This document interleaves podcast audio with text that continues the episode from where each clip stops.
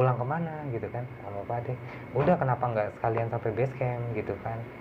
Enggak nggak boleh sama ibu peri eh ibu putri gitu. Terus gue nanya dong sambil gue sharing juga sama Pak Ade. Deh itu ibu putri siapa? Biasa ya penguasa Oke. Danau Segarana gitu kan. Dewi Anjani deh. Eh, bawahannya gitu kan Hmm. ya kan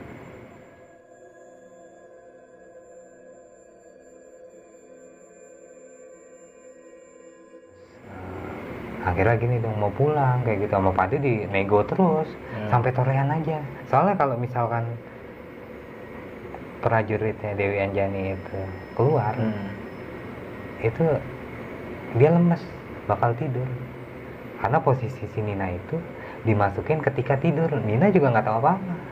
Nggak sadarkan diri nggak sadar. Tapi posisinya karena dimasukin sadar tapi kosong. Ah. posisinya gua ajak ngobrol juga eh eh, aja. Hmm. gitu loh. Nggak Iya. nggak ada feedback. Ah. sampai akhirnya itu si Nina eh si Nina itu ngomong gini aku mau pulang. Ya kan minta dianterin. Terus kata Pade kamu ngerjain saya kalau nganterin ke sana gitu kan. Ya udah mau pulang gitu kan. Terus eh, gua tanya lagi dong Pade dia ini gimana sih minta pulang? Kita udah nyampe sini loh. Capek saya juga nganterin ke sana gitu kan. Itu gerutu gua ya. Hmm. enggak kok ini ntar juga balik sendiri kalau udah perbatasan gitu kan. Terus pulang ya gitu kan. Kayak ngerengek gimana ngerengek sama Iya. pacar gitu ya. Ah. tapi sama pade bukan sama Ah. gua.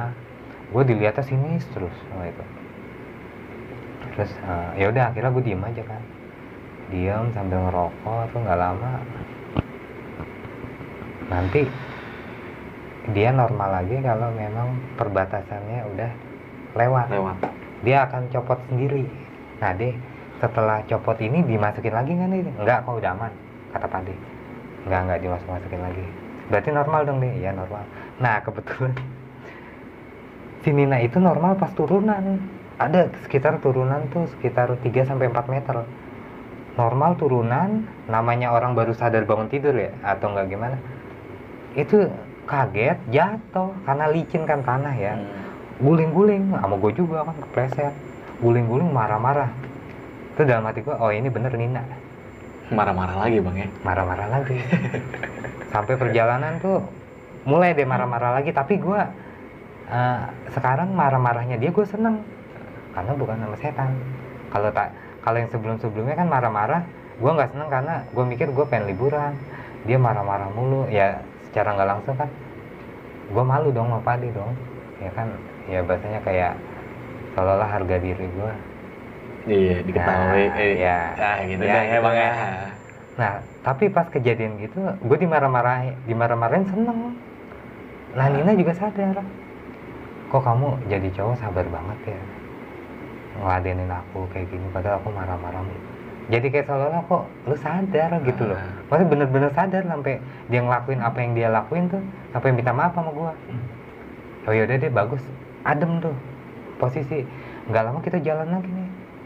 Jalan lagi, nyasar nyasar pade yang udah sering lewat situ aja nyasar apalagi gua yang emang masih jarang ya hitungan hitungan jari lah lewat situ pade ngomong gini jalanannya nggak bener nih ya kan? Bukan ini jalannya. Ntar dulu diam dulu kita cari jejak ini nih jejak apa? Jejak bungkus bungkus nih ada bungkusnya ya kan? Hmm. kita balik lagi bener jalannya gini gini gini. Terus sampai akhirnya gini ya ini gara-gara mas bangun nih ya kan? Ya mungkin entah bercanda apa serius nih. Iya. udah saya di ini aja saya di depan mas bangun yang di belakang. Cuma kan gue tahu ya kalau di gunung di belakang itu gangguan psikisnya tuh lebih lebih wah. Aduh deh jangan saya deh di belakang deh enggak nanti nyasar lagi kalau mas bangun gitu kan. Wah anjir kata gue ya dalam hati gue ya. Terus si Nina juga bantuin pade mentang-mentang udah sadar kamu sih jalannya yang bener gini gini gini gini. Tapi gue seneng Ah. karena dia maksudnya emang karakter aslinya dia keluar nggak kayak tadi tuh. Selama tujuh jam itu diem aja dia. Sampai akhirnya si Nina itu ngomong gini "Eh, kamu lain kali jangan so tahu jalan. Kayak gitu kan. Eh, ketahuan Pade di depan jelas jalannya. Oh iya deh ya kan. Pade langsung ini nggak ketemu juga jalan. Tahu nggak? Selama kita muter empat kali itu ketemunya jalan di situ aja. Ternyata pas kita diem nggak tahu ya, jalannya ada di samping kita tapi ketutup ya kan? Mm-mm. sampai gue mikir gini lah ini apa lagi ya? Deh ini nggak bisa di masa seorang pade ya gue bercanda gitu. Masa seorang pade bisa dikerjain? Pasukan saya udah pada habis sudah pada kecapean. Jadi pasukannya itu kan kalau nggak salah yang gue tahu ya dia punya tiga pasukan lah. Prajurit terus naga sama apa gitu ya kurang tahu gue itu udah dikirim buat grup yang udah jalan duluan Oh. gitu loh. Ah. saya nggak punya ini lagi nah itu kali pertama gua ngelihat Pak D itu kecapean bener-bener capek. Kalau sekarang saya normal mas Bang Hmm. gua ngelihat apa ya eh, gesturnya Pak D semuanya itu udah emang udah udah ini tenaga terakhir saya ya. Kalau ini saya udah udah nggak nggak punya bantuan lagi gitu. Ya mungkin sama Allah gitu kan sama Allah lah gitu kan mungkin. Udah tuh akhirnya Pak D nggak tahu ba- baca-baca apa. Ketemu tuh jalan. Ketemu jalan kita jalan lagi. Pas jalan lagi tau nggak? Kita dihadang sama inian tiba-tiba itu suara pernah dengar suara pohon rubuh nggak? Pohon tapi gede banget rubuh. Kubrak. Seketika semua headlamp kita mati bluk gitu kan. Tapi nggak ada apa-apa. Hmm. terus nggak lama gue nenangin Nina dong. Nina ngomong itu ada apaan?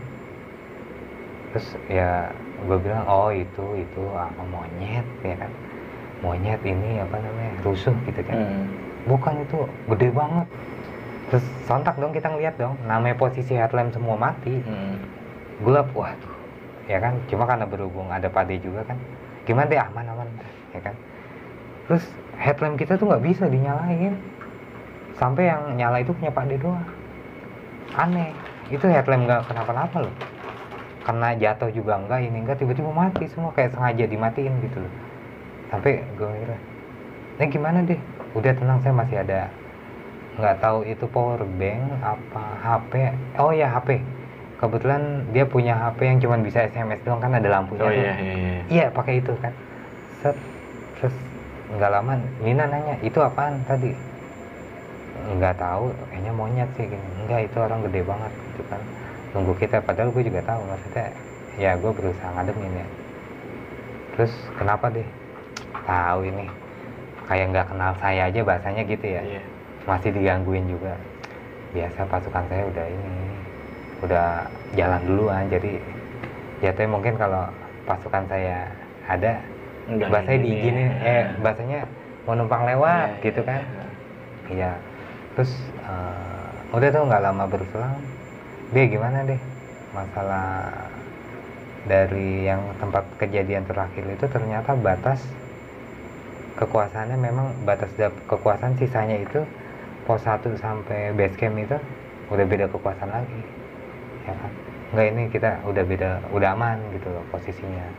Yang di ini ini udah pada apa namanya ya bahasanya udah bukan tempatnya lagi gitu akhirnya gue jalan jalan pas jalan itu sampai tuh ladang jagung.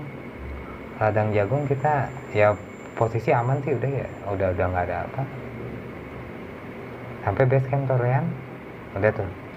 Akhirnya si Nina ny- nyeletuk gini kok kita udah sampai ya? Cepet banget.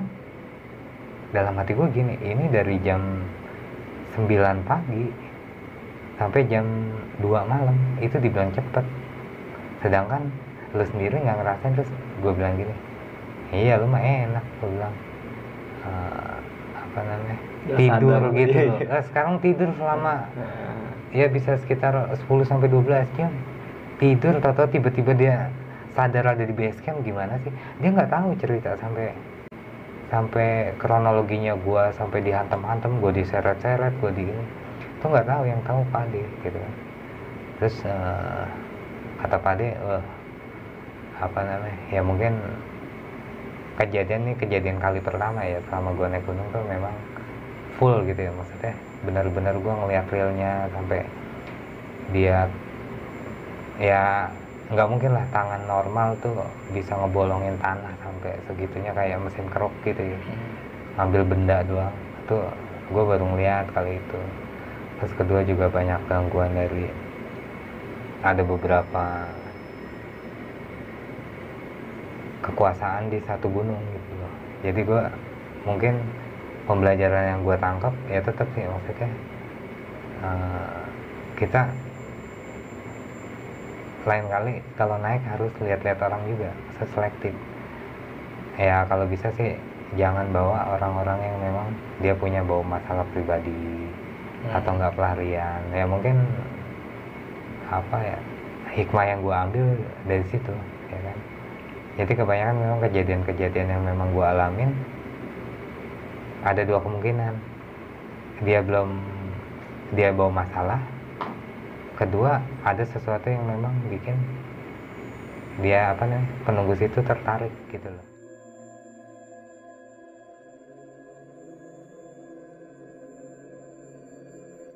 Makasih banyak nih Bang Bangun udah mau berbagi pengalaman pendakian mistis lu saat di Gunung Rinjani Bang ya. iya Nah di sini jadi gue kayak dibawa dongeng Bang iya waktu lu cerita pengalaman lu ini. Nah yang gue pengen tangkap di sisi Nina nih Bang, iya seorang kekasih lu waktu di Rinjani Bang ya. ya kalau dibilang kasih sih enggak cuma emang lagi deket gitu Lagi deket lah ya. ya Nah Nina ini emang orangnya suka marah-marah gitu Bang ya. iya enggak maksudnya bukan marah-marah sih lebih tepatnya orangnya tegas gitu Ah. loh. nggak bisa salah dikit tuh dia nggak marah cuman lebih memperbaiki tapi Dengan ucapannya dengan ngegas gitu ucapannya ngegas Ah. gitu ya Lu itu kuat aja Bang selama perjalanan sama? Nina ini.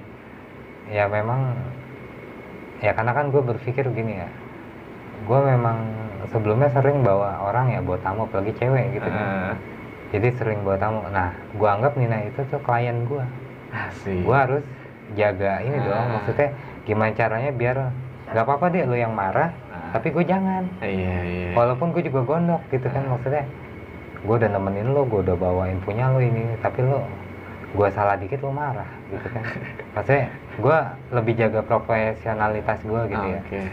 nah terus ya mungkin tiap orang kan karakternya beda-beda Beda-beda. tingkat kesabarannya beda-beda Nah, mungkin gue masih bisa nahan gitu aja nggak tahu buat yang lain bang ya. nah ya itu Nah, mungkin Mbak Nina sini yang nonton salam ya bang buat Nina bang ya.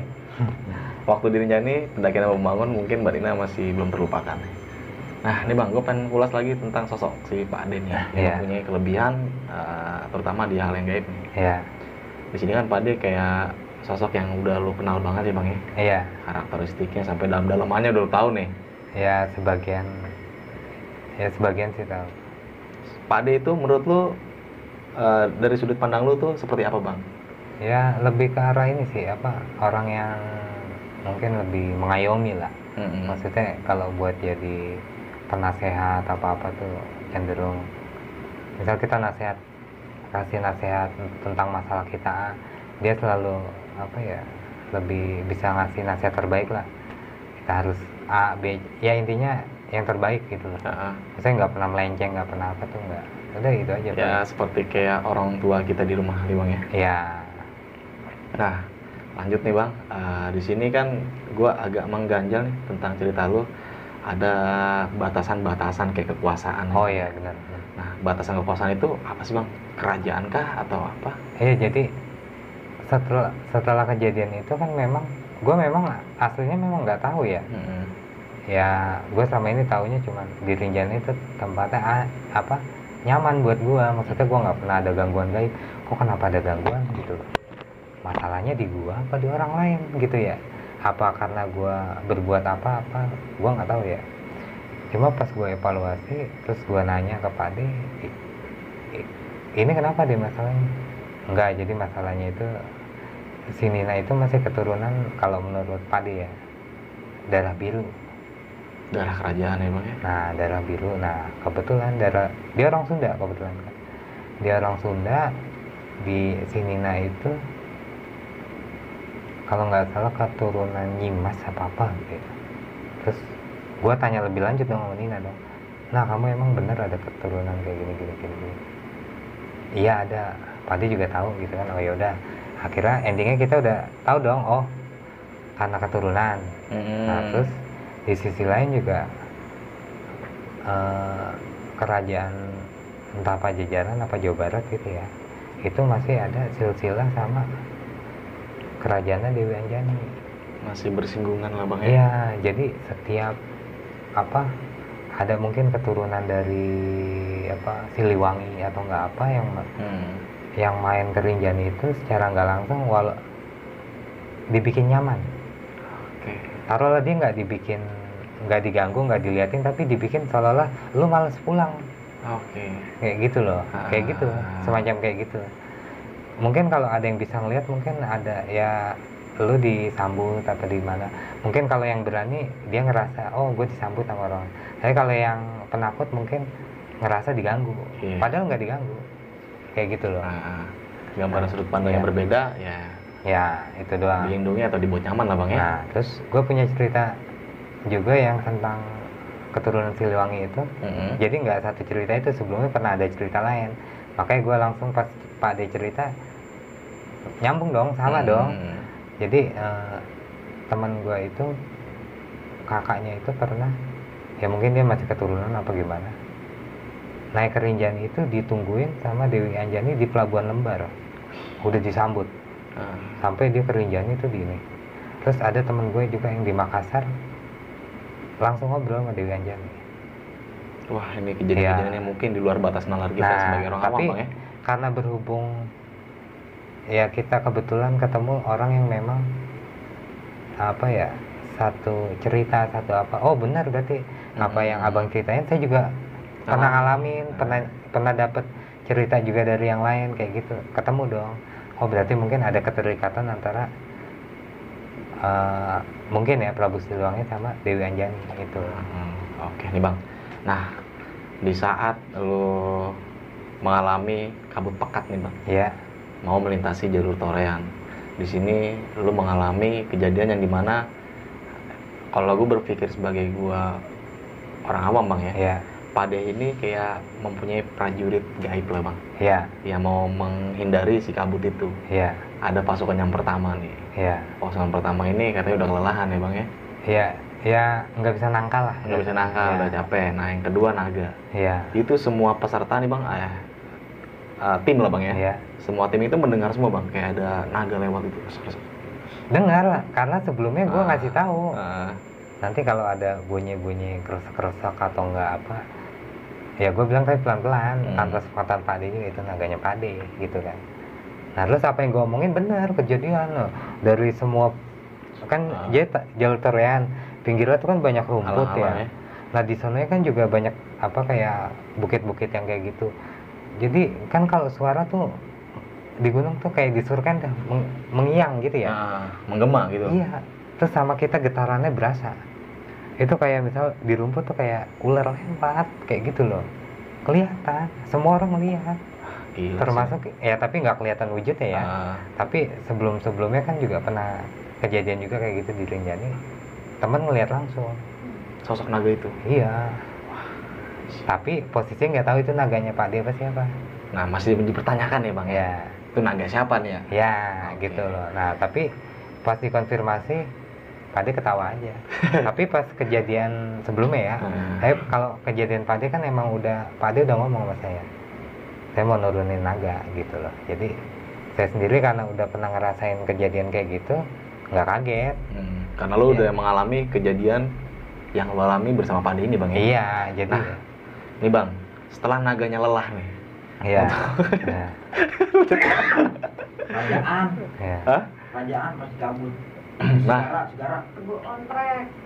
Nah, setelah naganya lelah nih bang, Pade menurunkan kayak salah satu eh, penangkal lagi nih untuk menghindari kabut, bakar rokok. Iya. Nah, ada eh, kayak syarat buat ngilangin kabut cepat itu kita harus bakar rokok surya. Nah, iya itu. Nah, Nah. itu. Tapi ada salah satu teman lu nih bang yang Iya. punya kuncian surya nggak dikasih ya kan? Iya. Nah, akhirnya lu kayak ngelinting sampai 40 batang tuh bang ya. Ya sekitar kurang lebih segitulah. Itu, Itu Pade ada- rokok sadar nggak sih bang 40 batang? Sadar, tapi memang dia kan punya apa? Karena berhubung gini, Pade itu promosin Rinjani Mm. jalur Torean Mm.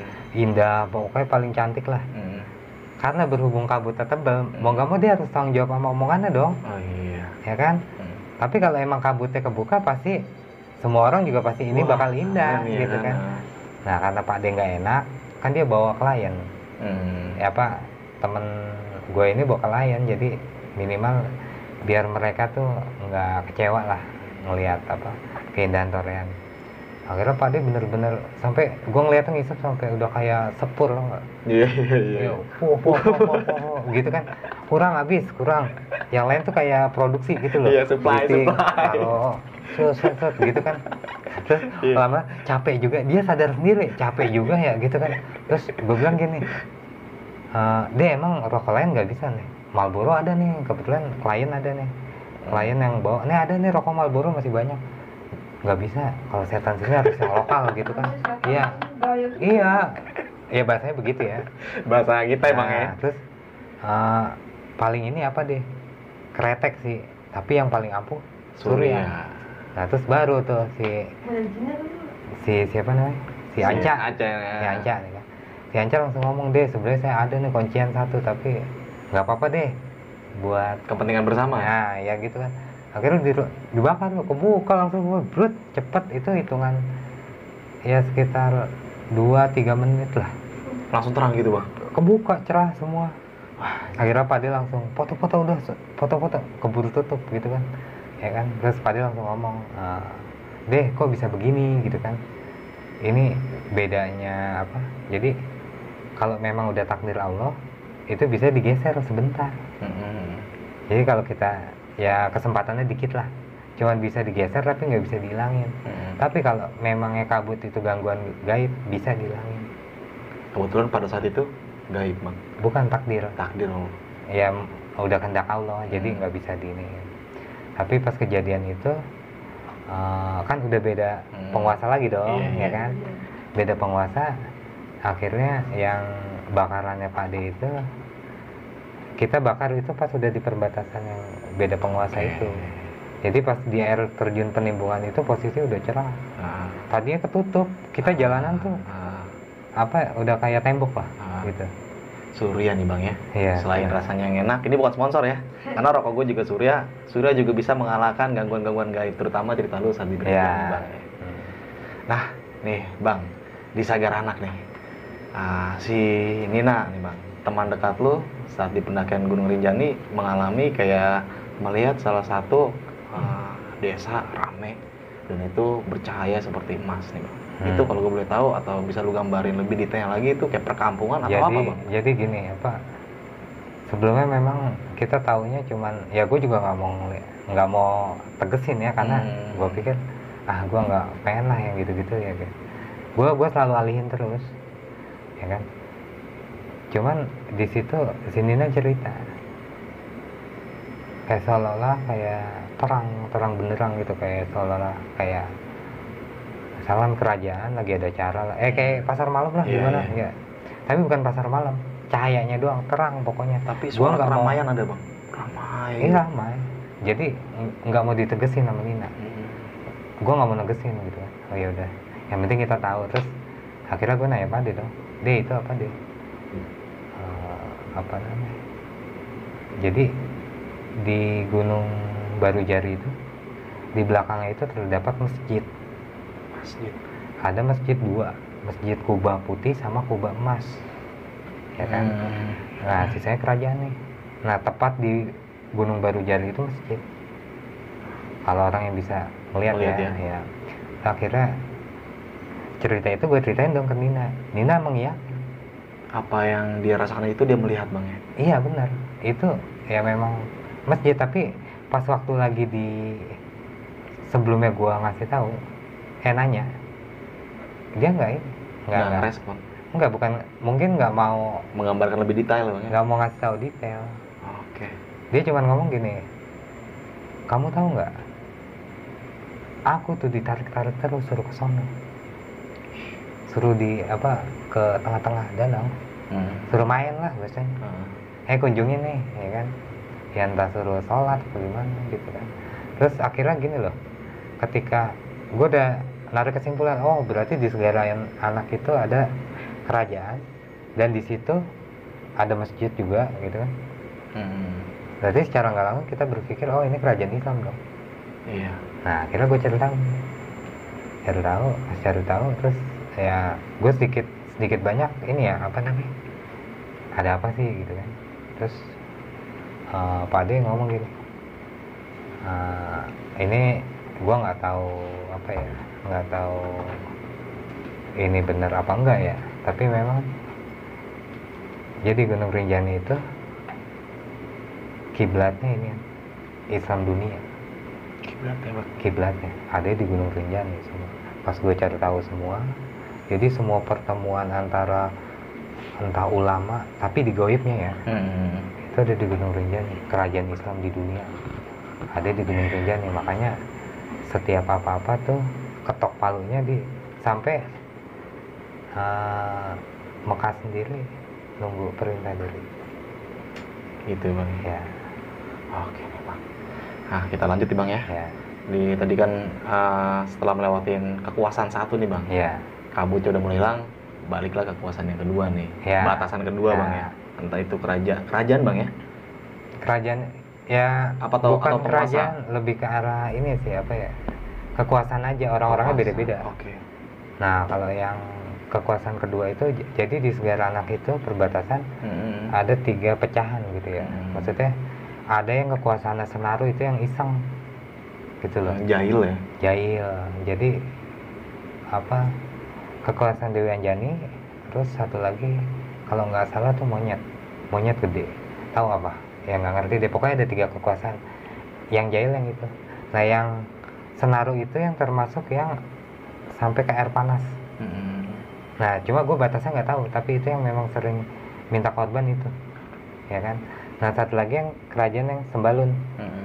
Nah, Dewi Anjani itu mungkin dari segar dari Pelawangan ke Segaranak tuh masih batas kekuasaan. Nanti dari Pelawangan ke Sembalun beda. Nanti dari Senaru ke Torean beda. Oke, nah di sini tadi di cerita lu sempat menjelaskan kalau selama 7 jam uh, Nina ini sikapnya berubah nih bang ya. Yang tadi Iya. suka marah-marah berubah jadi pendiam nih. Sempat lo juga mengalami kejadian dia jalannya expert banget nih di luar Iya, expert. orang yang batas luar. normal lah ya. Iya, iya. Tadi lu sempat jelaskan juga dari gestur tubuhnya. Uh, sorry nih ya, gemuk ya bang ya. Iya. Yang lu sempat berpikir kalau orang gemuk itu enggak mungkin lah gitu. Ya. Nggak normal lah ya Nah, kan terus jalannya nggak normal juga. Juga dia ada masalah di dengkul. masalah dengkul juga ya. Ya. Nah, lu sempat terjatuh nih bang, saat lu benar-benar udah mulai lelah banget dan lu diseret sama Nina ini. Iya. Dan lu juga sempat menjelaskan kalau si Nina ini ngobrol lah udah nggak kayak nggak sinkron sama lu bang ya. Sempat gandengan tangan-tangan lu di Di iya, Remak, kayak- ya iya. Dan lu mengalami kejadian Nina yang diam itu eh, sebelum lu mengetahui bang ya kalau Nina itu bu- bukan Nina sesungguhnya nih. Iya, gitu.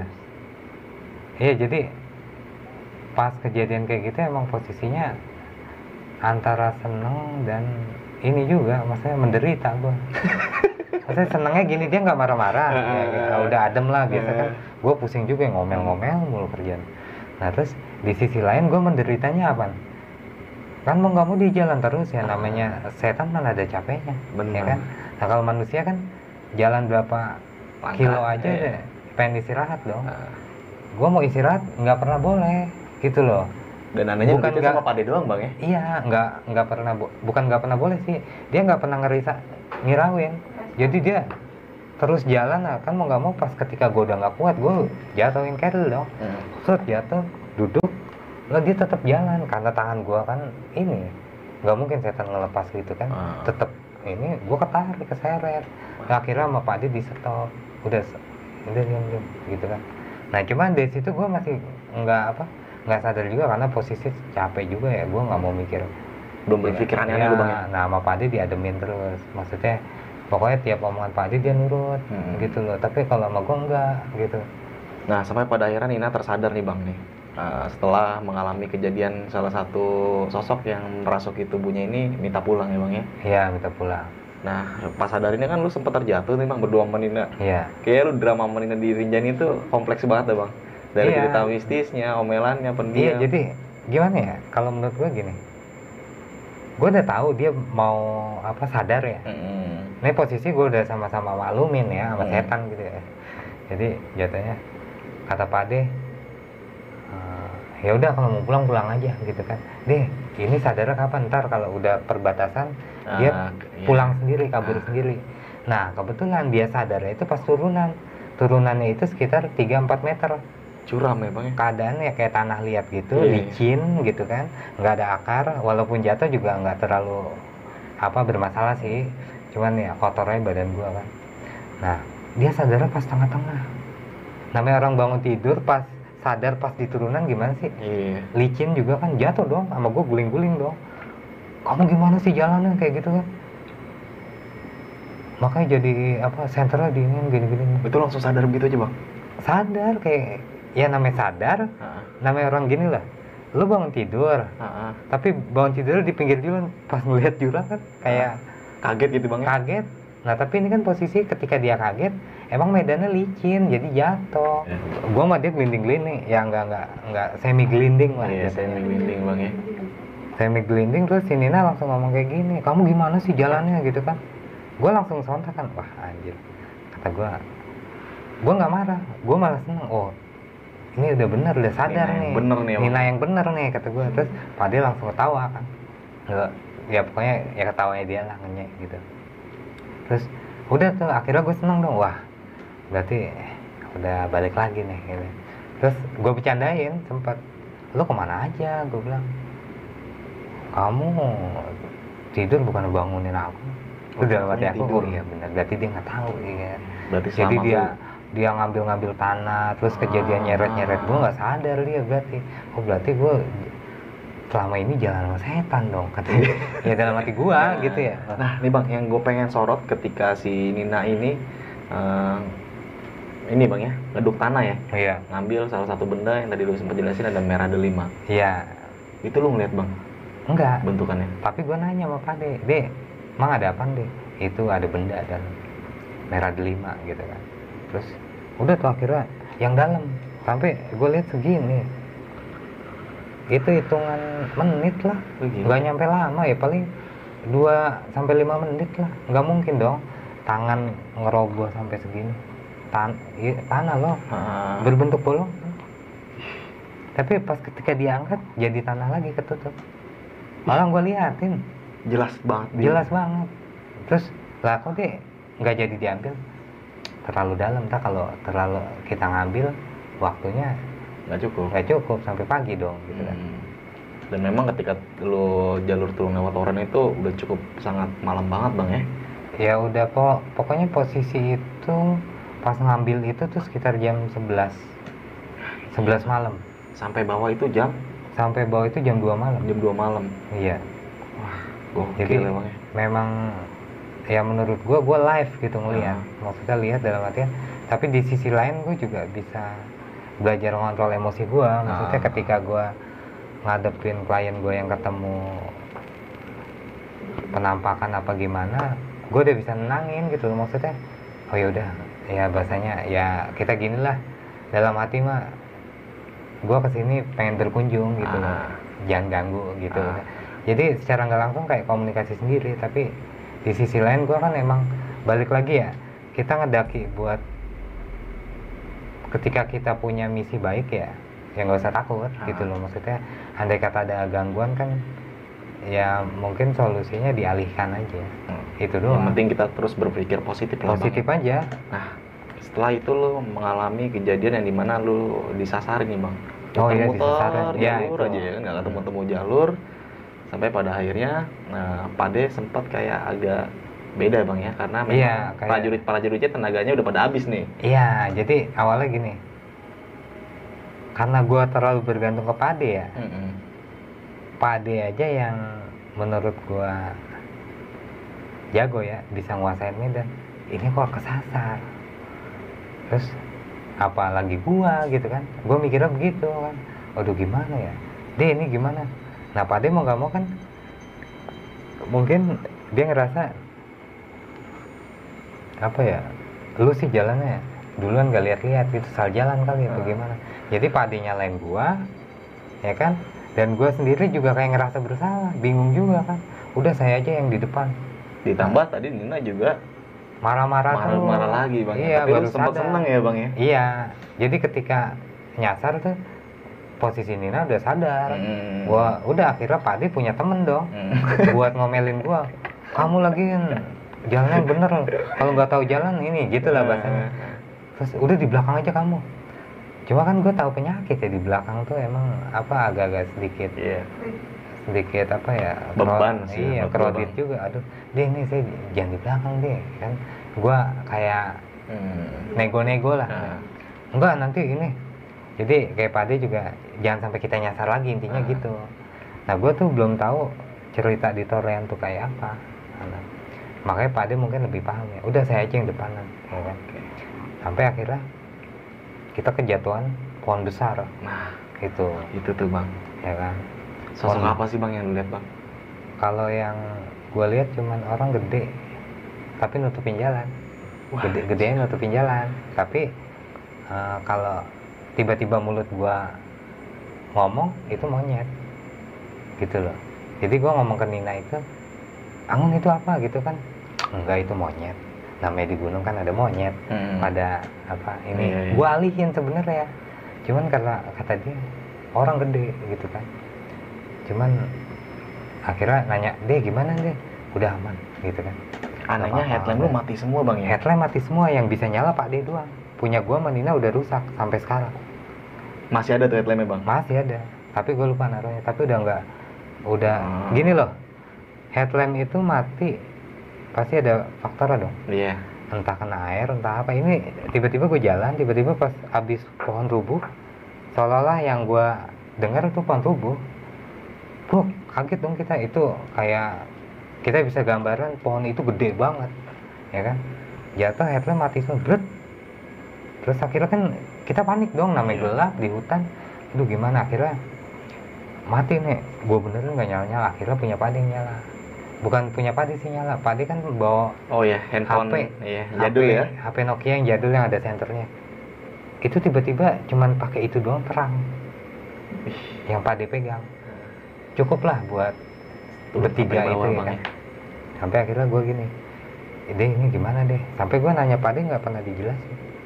Itu apa? Cuman yang menurut kan kita punya insting sendiri ya. Yang kita lihat tuh orang hitam nutupin jalan. Segede apa itu gitu loh. Gila sih, tapi pas gua, ketika gua terlontar omongan itu monyet yang ada di pikiran gua. Berarti pas gua analisis setelah kejadian udah banyak ini ternyata memang kayak apa ya di situ penguasanya juga monyet kan. Masih penguasaan monyet yang gede itu raksasa yang dirinjani Mm-mm. itu kan memang terkenal monyet Mm. oh berarti masuk dong apa yang gua rasain sama nah, yang ini Ah, udah itu doang sih paling Oke. Dan sampai akhirnya lu turun ke bawah dan poin yang terpena, per- dan poin yang pertama adalah lu pulang kembali dengan keadaan yang selamat ya bang ya. selamat Nah nih bang, lu kan eh, sering bolak-balik Rinjani nih ya, Iya. bawa klien. Hmm. Pengalaman lu yang diceritain saat ini, apakah pengalaman yang pertama kali dan nggak pernah ngalamin lagi atau gimana? pertama kali dan ngalamin lagi. Ngalamin lagi lu? Tapi ngalamin lagi dengan cerita yang berbeda. Oke. tapi satu ya bahasanya kayak gini loh. Gue dapet cerita sini apa eh, cabang nih. Ah, ini bikin cabang baru tapi ceritanya beda. Beda. jadi terakhir itu gue naik kebetulan sama DJ Yasmin sama ada tuh namanya ya dia drummer juga ya Ray Tobing. Oh iya. sama siapa lagi ya? Gary. Hmm. terus pokoknya ada tujuh orang turun. Itu lu yang bawa bang? ya turun. Pas turun ke danau kita itu ada sekitar 10 apa 11 orang ya. 10 11 orang turun nah ini juga ya mungkin ini ya eh, gua poinnya aja yang Ah. gak usah cerita detail karena menya- menyangkut Cika juga kan ya jadi eh, pas ketika udah balik balik dari segara anak gue balik lagi nih maghrib posisinya nah di maghrib itu kan ada yang dulu pernah kejadian di Rinjani ada yang meninggal kan Iya. yang ketimpa batu Ah, ah. nah itu ada jadi gerojokan gitu kan Iya. Nah kita di situ ada air. Air buat ngambil minum. Akhirnya gua ini dong rame-rame sama Yasmin juga segala pada berhenti ngambil air. Udah tuh isi semua kan. Terus ada porter orang situ asli ngomong. Kebetulan Yasmin itu sama porter dari Sembalun juga namanya Fandi kalau nah satu lagi nih ada bapak-bapak. Kerjanya porter ngomel-ngomel mulu ya kan gue juga nggak tahu ini orang nggak kenal nggak apa ngomel-ngomel gitu ya dasar pendaki sekarang tuh kalau dikasih tahu tuh nggak ya cuma gue pikir mah Iya. Mungkin dia sama- Ah. sama iniannya ya sama pasukannya ya Hmm. ya gue anggap ya ini aja maksudnya biasa aja gitu ya bukan tim gue juga gitu kan Hmm. ternyata dia tuh ngasih tahu ke Pandi bahasa Sasak pakai bahasa Sasak gitu ya ya intinya ngapain kamu lama-lama di situ mau kamu dijadiin tumbal gitu Aduh. nah terus akhirnya itu kan masih bahasa bahasanya bahasa ya kita nggak peduliin ya Ah. karena emang nggak ngerti gitu Ah. sampai akhirnya kita pas ngambil air Yasmin duluan nih karena udah ngambil air dong Yasmin sama beberapa orang tuh ada 4 sampai lima orang deh jalan duluan gue masih nungguin yang lain nih karena air yang gue bawa itu lumayan sekitar 20 liter Gila. belum belum apa belum penuh gitu kan. Temen gue yang jalan sama Yasmin balik. Kan? Mas bangun. Jangan lama-lama di sini. Rinjani lagi mau minta tumbal lagi. Ngedon nggak Kedon lah bang gue pasti. akhirnya cabut kita semuanya sampai wah si Yasmin juga ketakutan gitu ya. Ah. Terus semuanya takut sih Ah. pada ngedon tapi pada di jalan pada cepet-cepet Hmm. langsung tuh yang tadinya orangnya pada Santai. santai nah, namanya gini loh kita ketemu mata air di Pelawangan tuh nggak ada air Ah. di situ yang bekas kejadian Ah. i- yang kita Musibah ambil itu, air Bang, ya? itu belum lama habis ada kalau nggak salah pendaki orang Surabaya meninggal pas banget di situ lagi ngambil air. Itu sebelum yang orang Makassar meninggal. Orang Makassar meninggal kan pas gempa. Ini Hmm. enggak. Setelah gempa pasca gempa ada yang meninggal lagi di pas banget di air. Nah pas kejadian itu dibilang ini Rinjani lagi mau minta tumbal lagi. Dua hari berselang meninggal yang di Senaru. Nah tapi omongan porter ini benar. Penghuni yang Senaru lagi mau minta tumbal. Dia iseng ke sini makanya jangan apa jangan lama-lama di sini apalagi maghrib. Kita disuruh pergi semua tapi dia ngasih tahu kita tuh nggak berani. Cuma dia ngasih tahu orang yang apa teman gua yang duluan sama Yasmin ngomong gini bilangin tuh temen yang pada ngambil air suruh pada cabut. Akhirnya kita cabut semuanya. Bener pas kita turun dari Rinjani udah sampai pos besoknya benar kejadian meninggal. Astaga. yang di Senaru tuh belum lama habis awal awal tahun. Itu pas banget. Sampai sekarang tuh bang ya. sampai sekarang tuh masih bahasanya gini loh. Lu baru ngomong ini mau ada tumbal berarti kan dia paham dong. Iya. ya kan? Kita suruh kak suruh pergi. Pas ketika pergi naik ke pelawangannya juga tuh kita disasarin semua. Disasarin. Jadi seolah-olah gini kok kita nemu tebing tebingan sampai kita vertikal kayak gitu? Wah gila ya. naik segala anaknya kayak gitu. Sampai ada tuh di storynya Yasmin juga ada kan. Ini kok jalannya begini gitu kan. Sampai si Yasmin kan sama porter situ porter situnya aja nyasar. Bingung bang ya. iya jadi bahasanya gini ya. Ada satu orang yang ngasih tahu itu yang emang udah de- dedengkot banget lah yang ngasih tahu kita jangan lama-lama di situ. Ketika kita naik kan rame nih. Semua berdiri baris hitung.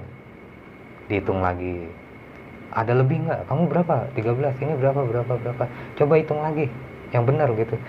Jadi kita kayak seolah-olah wah ini bikin kita ngedon aja nih di jalan kan. Lalu akhirnya di sana ada lampu. Hmm. diteriakin nyasar tuh. Nah si Yasmin di grup kiri gue di tengah satu lagi di kanan. Akhirnya yang ini apa nih ngejemput yang kanan. Si Yasmin juga dijemput sama yang ini nih. Jadi dia bolak balik nih buat bahasanya kayak ngalawin jangan ditumbalin gitu loh Berarti pengalaman pendakian lo di Rinjani yang kedua ini ya bang ya, ya yang it- berbau masih mistis juga bersama DJ Yasmin nih. ya jadi ya sebenarnya sih dia eh, nggak tahu kronologi yang memang Sebenarnya lebih lengkapnya tapi dia ngerasain Oh, satu oke. jalan juga sama kita kan? Ya udah se- setelah itu memang apa ya kayak kayak kayak gini lah dia ngomong aku nggak lagi lagi deh ke sini gitu kan ya Iya sih. ya bahasanya terus pas turun di bawah aku Agustus mau ke sini lagi mas Bang ya ya kan Oke. Mungkin DJ Yasmin nonton kali bang ya supaya nanti ya mungkin kan dikasih tahu lah kalau emang udah ya. posting ya Mbak DJ semoga nonton ya cerita Iya. dari Bang Bangun mungkin Iya. yang pernah lo mengalami kejadian-kejadian yang aneh saat di pendakian Rinjani nanti bakal diceritain sama Mas Bangun nih. Hmm. Oke nih Bang, thank you banget nih. Lu udah mau berbagi cerita pengalaman lu, gua kayak seperti didongengin nih Bang. Cih. Panjang banget nih. Nah, sebelum mengakhiri cerita nih Bang, lu punya pesan-pesan gak sih Bang? Terutama buat para pendaki-pendaki yang baru gede nih. ya sebenarnya sih ya mungkin lebih ke ini aja sih apa persiapan aja maksudnya mau gunungnya apa pun ya mau gunung yang berat skalanya berat atau enggak ya? Cuman yang santai gitu ya. Jangan nyepelein karena kadang-kadang gini kita ini bersinggah ke rumah orang lain gitu. Iya. kadang kita nggak pernah tahu hati orang kan. Misal taruhlah kitanya benar tapi teman kita teman kitanya nggak benar kita Jadi ikut ikutan kena gitu loh. Ah. ini sepengalaman gue ya. Hmm. sebaik-baiknya kita tapi kalau teman kitanya ini ya punya maksud lain apa gimana ya setan kan nggak mau ini. Nggak mau ya bahasanya malah penghuni sana nggak mau apa kompromi. Oh. apa yang diincer lo doang atau nggak apa ini sih pengalaman gue ya. Tapi intinya apa? Pilih-pilih lah lawan apa namanya teman- Pendakian. teman mendaki. Agak selektif dikit jadi mungkin kalau yang kurang persiapan apa-apa kurang klop coba dilurusin dia. Ya mungkin lebih ke disamain apa visi misinya dulu jangan main asal naik ketemu kayak gitu banyak kejadian ya memang kurang kompaknya kita tuh pengaruh ke semuanya Iya, benar bang. Gue juga sempat mengalami kejadian juga bang. Apa yang terjadi yang sempat gue jelasin ketika ada rombongan lain nih yang baru pertama kali mendaki kayak apa ya serkos kan bahasanya Iya, bang serkos serkos gitu. Sempat ditinggalin sama rombongannya nih bang Hmm. dalam keadaan yang cedera lah. ya Dan ini sempat gue ceritain juga di channelnya Bang Badru. ya Semoga teman-teman bisa mengambil sisi positifnya, dapat menghibur, dan yang buruknya buang jauh-jauh. Kasih apa nge? Kasih kucing. Nah, buat teman-teman juga, eh, nih bang, lu eh, kalau mau teman-temannya nonton pengen ikut trip lu nih bang, Oh. bisa menghubungi lu lewat Instagram ya atau bisa hubungin lewat Instagram boleh atau enggak ini aja apa follow apa ada tuh akun Tenet Campers gitu Nah. aja sih. nanti bakal gue cantumin lah di kolom deskripsi. Iya. Jangan lupa di subscribe besok pagi, like, comment, and share, nyalain loncengnya supaya tidak tertinggal video-video terbaru dari besok pagi. Kurang lebihnya mohon maaf dari gue Indra dan Mas Bangun. Saksikan video-video besok pagi selanjutnya. Wassalamualaikum warahmatullahi wabarakatuh.